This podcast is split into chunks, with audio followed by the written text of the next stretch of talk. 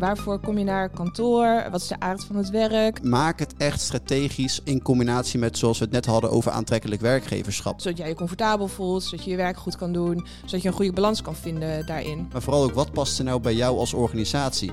Wat zijn nou de werkpatronen die jullie momenteel hebben en de werkpatronen die je graag zou willen zien? En welke ruimtelijke behoeften, als we het dan over huisvesting hebben, uh, hoort erbij en ondersteunt dan dat werkproces? We gaan het hebben over kantoren.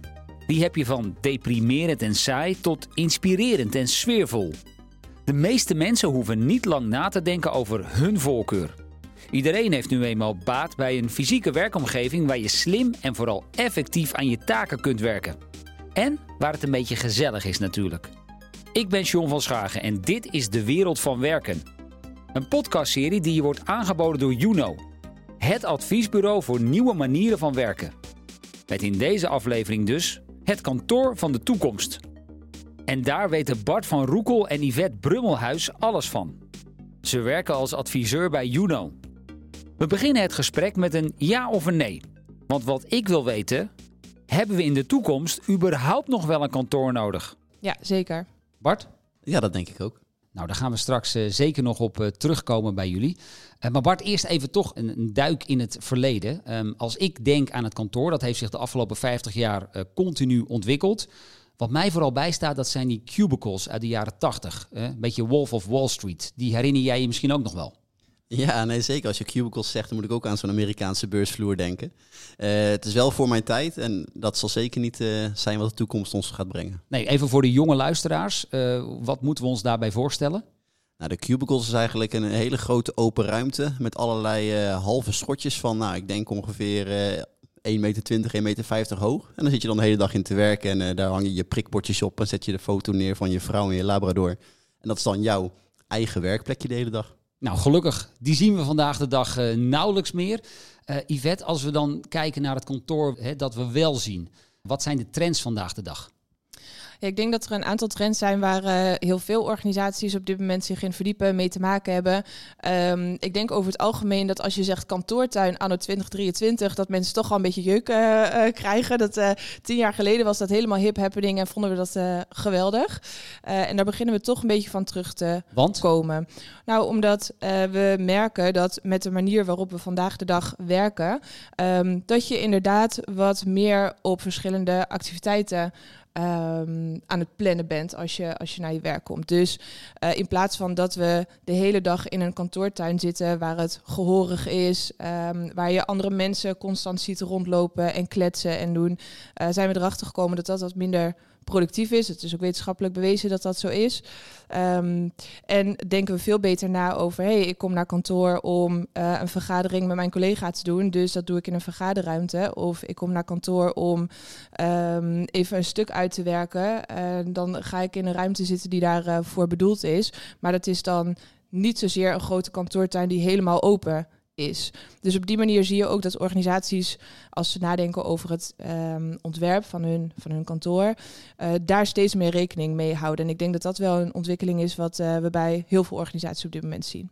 Ik kan me daarbij wel voorstellen dat de wensen van een creatieve start-up heel anders zijn dan bijvoorbeeld een grote corporate. Ja, nee, zeker. En uh, uh, dat is voor ons ook altijd een beetje het startpunt. Hè, van met wat voor organisatie hebben we uh, te maken? Wat doen mensen daar? Waarvoor kom je naar kantoor? Wat is de aard van het werk? Um, doe je heel veel op afstand omdat je bijvoorbeeld een internationale start-up bent en de helft zit ergens op een strand in Hawaii te werken, bij wijze van spreken. Oh, dat, dat kan natuurlijk ook. Ja, dat willen wij ook graag. Um, dus dat maakt natuurlijk nogal verschil hè, qua core business, hoe je je werk uitvoert, wat voor type mensen daar werken, um, nou ja, hoe je kantoor uh, daarop gaat aansluiten. En je zegt dus uh, hoe het kantoor vandaag de dag wordt gebruikt. En uh, um, dan kijk ik even naar jou Bart. Dat is in kaart gebracht, hè? Daar, daar zijn feiten over. Ja, ja, zeker. Er zijn heel veel feiten over. Uh, Measurement is een van de organisaties die dat wereldwijd meet in een Workplace Annual Report. En daarin zie je toch echt wel dat wat we eigenlijk na corona dachten, we gaan met z'n allen echt samenwerken op kantoor. We komen daar om te ontmoeten, elkaar uh, bij te praten over het weekend. Dat valt eigenlijk wel mee. Nu een beetje die echte hype van elkaar missen en elkaar willen knuffelen op kantoor. Dat mag eindelijk weer. Dat dat voorbij is. Je ziet dat mensen toch eigenlijk gewoon komen om daar individueel werk te doen. 74% van de tijd zitten we eigenlijk gewoon in ons eentje te werken. Dat is ook helemaal niet erg. Denk aan je eigen werkdag. Van de acht uur zit je ongeveer zes uur gemiddeld gezien dan. En natuurlijk voor een kantoormedewerker. Mailtjes te sturen, eh, eh, even wat zaken uit te werken, presentatie voor te bereiden. En maar twee uur per dag, nou dat is eigenlijk die andere 26 procent, ben je bezig met echt samenwerken, met, met videobellen of creatief brainstormen op locatie. En daar willen we juist eigenlijk scherper naar kijken. Moeten we echt een kantoor inrichten om echt alleen maar te samenwerken? Of juist om samen te werken? Dus net dat spatietje maakt een groot verschil. En jij zegt, driekwart is dus nog individueel werk. Dat klopt. Dat vind ik best heel veel, maar dat kunnen mensen toch ook gewoon thuis doen?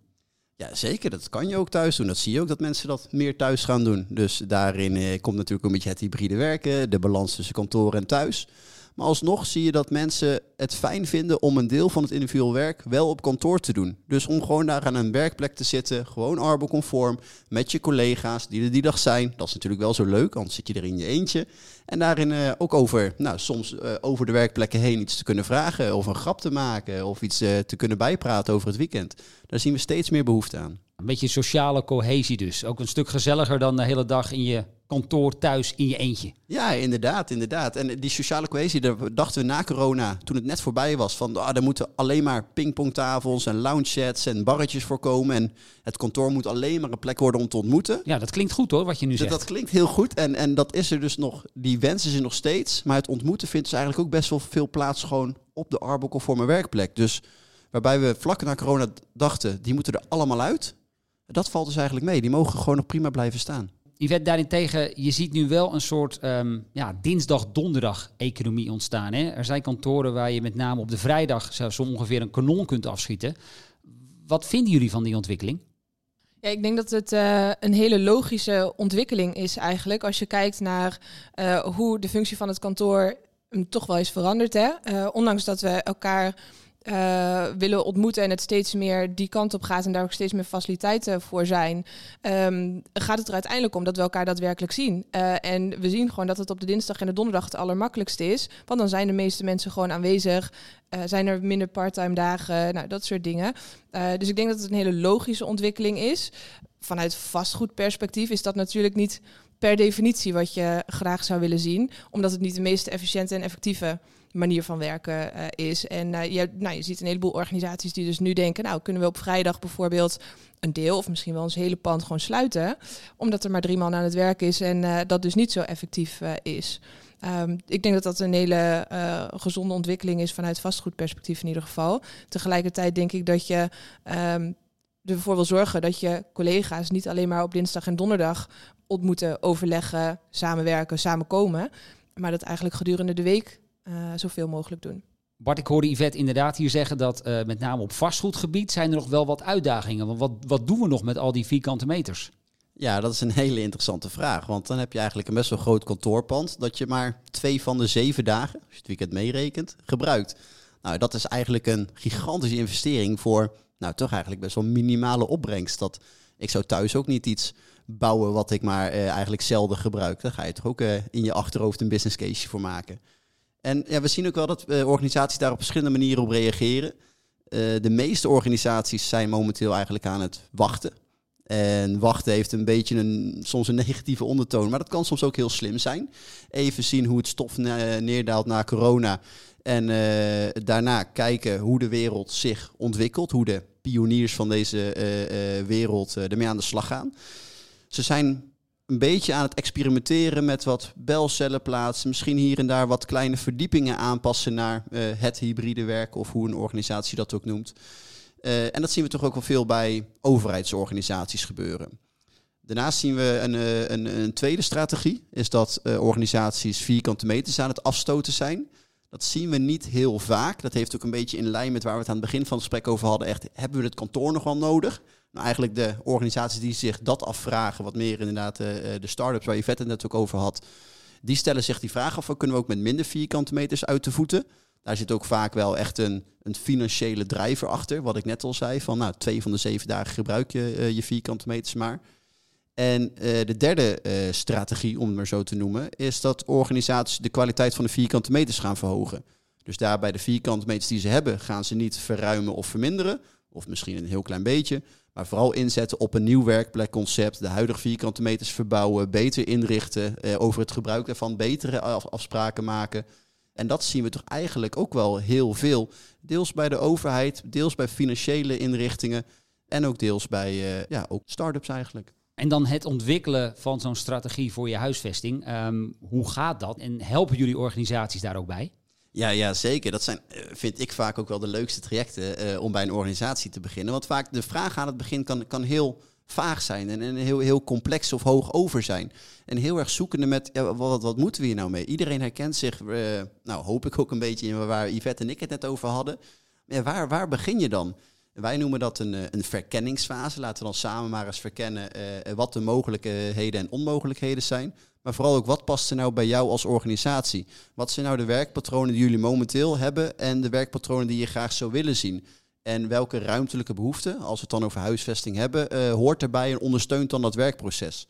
En daarbij zetten we toch altijd huisvesting wel echt neer als een middel om die ideale manieren van werken te bereiken, in plaats van een doel dat de vierkante meters verminderd moeten worden uh, of dat we daar anders mee omgaan.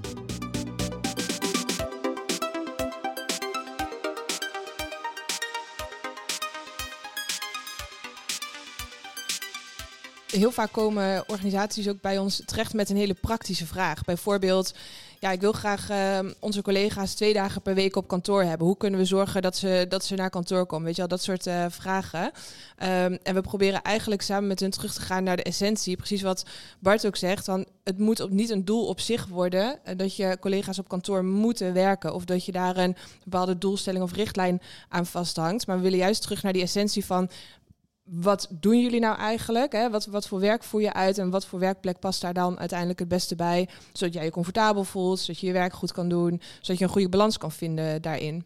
Ja, en om dan nog eh, even extra concreet te maken als antwoord op jouw vraag. Uh, dat doen we door middel van vooral het meenemen van de organisatie. Dus veel observaties, interviews, werksessies. Uiteindelijk is onze bedrijfsnaam terecht You Know. You Know, jij weet. Jij weet hoe je werkdag eruit ziet. Jij weet hoe de toekomst van je werk gaat ontwikkelen. En laten wij vanuit daar kijken of we gezamenlijk een geschikt werkplekconcept kunnen realiseren. Daar past dus ook het betrekken van de medewerkers bij. Dus ook aan hen vragen waar zij behoefte aan hebben, hoe zij hun dag nu al invullen en hoe zij dat in de toekomst willen gaan doen. Ja, dat is een hele belangrijke. Soms ook best wel lastig om als leek te beantwoorden. Dus daar hebben we wel inspiratie, uh, methode voor om die vraag goed te kunnen beantwoorden. Wij hebben natuurlijk ook altijd, naarmate de organisatie er ruimte voor geeft, onze expertblik die we daar graag in, uh, in willen geven. Dus dat is altijd een mix tussen wat medewerkers zeggen en hoe wij nou, de wereld ook zien ontwikkelen. Ik denk dat die combinatie juist heel sterk is. Uh, en daarin het, het betrekken van medewerkers staat gewoon echt altijd centraal, zowel als individu als als team. Dus het gaat er soms ook niet helemaal om hoe jij jouw werk het liefst zou willen uitvoeren. Of hoe jij uh, jouw werkbalans. Dus inderdaad, nou, ik kom het liefst, uh, ik ben Jantje en ik kom het liefst op maandag en donderdag. Het gaat ook om hoe jouw team het beste functioneert.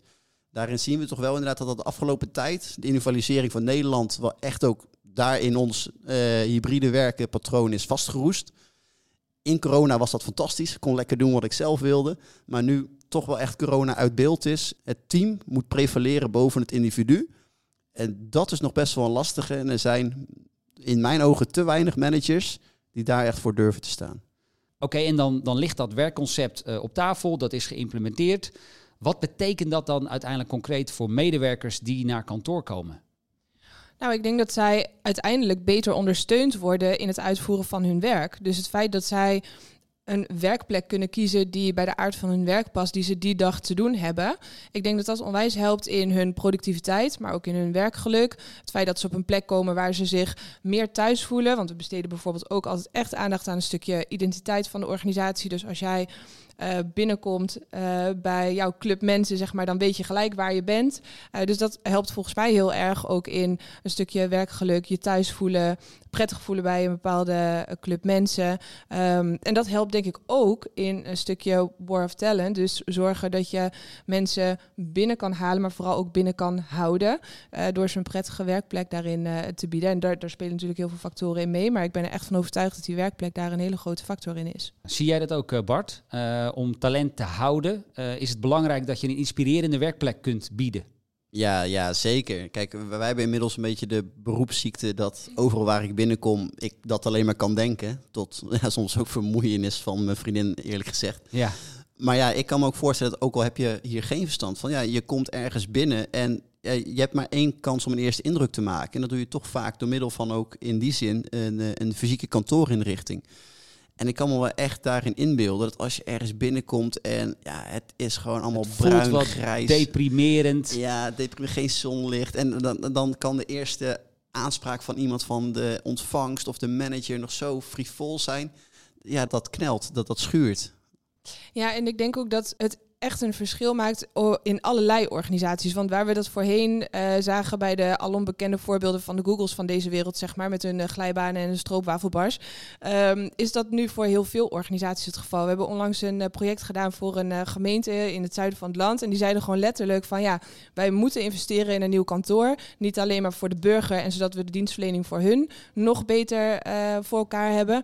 Maar juist ook omdat de gemeente die 10 kilometer verderop ligt, echt een bloedsaai pand heeft. Dus ja, als wij dat nou niet hebben en wij hebben een heel vet pand waar alle jongeren uit deze omgeving willen werken, dan maken we echt het verschil. En dat was voor hun letterlijk een van de redenen om, eh, ja, om daar toch mee aan de slag te gaan. Kunnen we tot slot ook nog even kijken naar dat kantoor van de toekomst? Want ik stelde jullie helemaal aan het begin de vraag: hebben we in de toekomst nog een kantoor nodig? Nou, jullie waren allebei heel stellig. Ja, eh, dat hebben we. Eh, Bart, waar komt die stelligheid vandaan?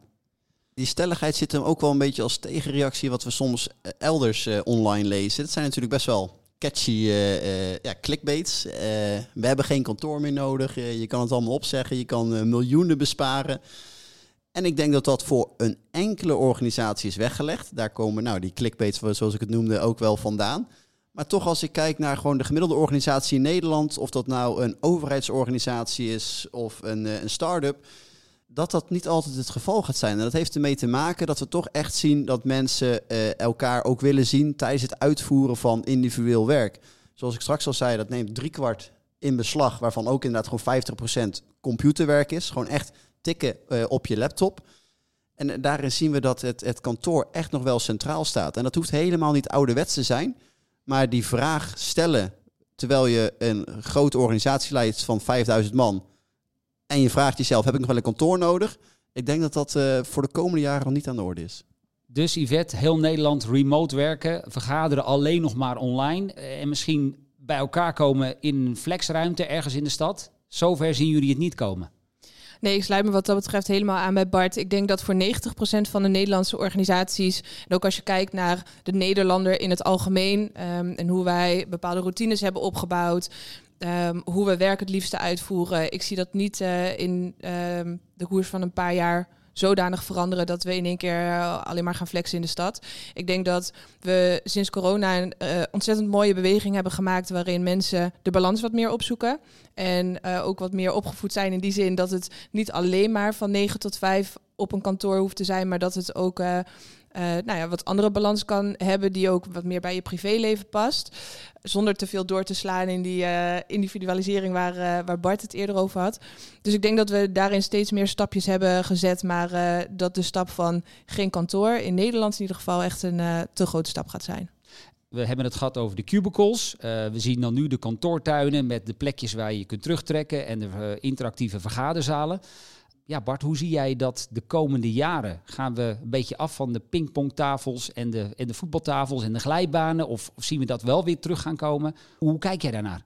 Nou, die mogen voor mij blijven. Eh, ik, wij, pingpong hier op kantoor ook wel eens. Eh, gebruik wel, eh, je hebt noise cancelling pingpongballetjes. Dat is sowieso een dikke tip voor alle organisaties. Dat is een hele belangrijke tip die, je- die je hier geeft.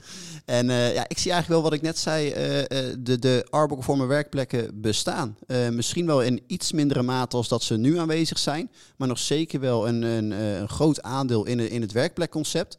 En daarin veel meer aanvullingen om ook eh, ja, hybride, virtueel te kunnen samenwerken. Nu zie je toch dat de meeste vergaderruimtes standaard, klassiek, op eh 100% fysieke aanwezigheid zijn eh, ingericht. Dat gaat wel eh, veranderen. Ja, en het kantoor van de toekomst, Yvette, hoe zie jij dat? Ja, ik denk echt niet dat het kantoor gaat, uh, gaat verdwijnen. En um, ik denk dat we voorlopig nog uh, vastzitten in het hele uh, War of Talent verhaal. Dus dat we daarin een verschil moeten blijven maken. Dus daarmee zie ik inderdaad ook de pingpongtafels niet verdwijnen. Um, en ik denk dat we in de toekomst op zoek blijven naar een blijvende balans tussen hoe voeren we ons werk uit en hoe sluit de werkomgeving daar het beste op aan. Maar als ik kijk naar uh, ook digitale ontwikkelingen bijvoorbeeld en wat dat allemaal mogelijk maakt, zie ik meer automatisering. Dus dat je taken iets veranderen, maar dat je daarmee nog steeds wel heel veel uh, achter je bureau zit, achter je laptop zit. En uh, nou ja, dat die werkplekken toch wel zullen blijven bestaan de komende jaren. En jullie zijn van een team um, huisvesting en werkplek binnen Juno.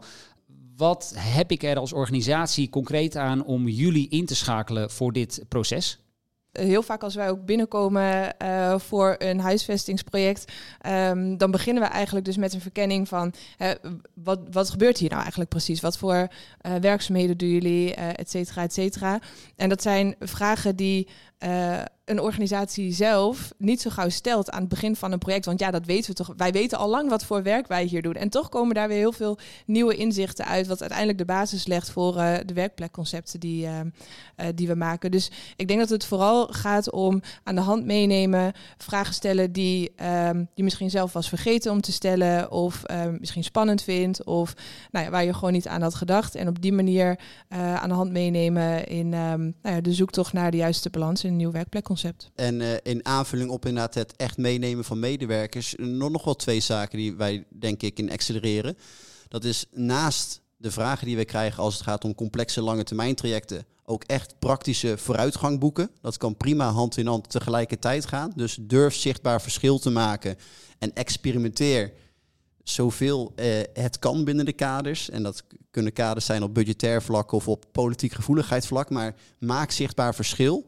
En als derde in aanvulling dan op Yvette, echt wel maak het strategisch. Heb de discussie niet over poefjes en de tafeltennistafels, om het maar zo te noemen. Maar maak het echt strategisch in combinatie met, zoals we het net hadden, over aantrekkelijk werkgeverschap. Dan wordt het ook veel interessanter om in de boordkamer te behandelen. Omdat het gaat over, nou, die, uh, zoals ik net zei, uh, poefjes. Dan hou je toch dat praktische karakter van een facilitair manager. En juist door het strategisch te maken wordt het interessanter en kan je ook meer bereiken met het project. En dat zei Bart van Roekel. Ik sprak hem en zijn collega Yvette Brummelhuis van het team Huisvesting en Werkplek van Juno. Zij gaven ons een inkijkje in het kantoor van de toekomst. Over de functie, de inrichting en het gebruik ervan. Ontwikkel dus een duidelijke strategie voor je huisvesting. En kun je daar wel een beetje hulp bij gebruiken? Nou, stuur dan even een mailtje naar info.juno.com. Dat is Griekse ei, dubbel N-O. Juno dus. Ook als je andere vragen over het nieuwe werk hebt trouwens. Dit was De Wereld van Werken. Bedankt voor het luisteren en tot de volgende podcast.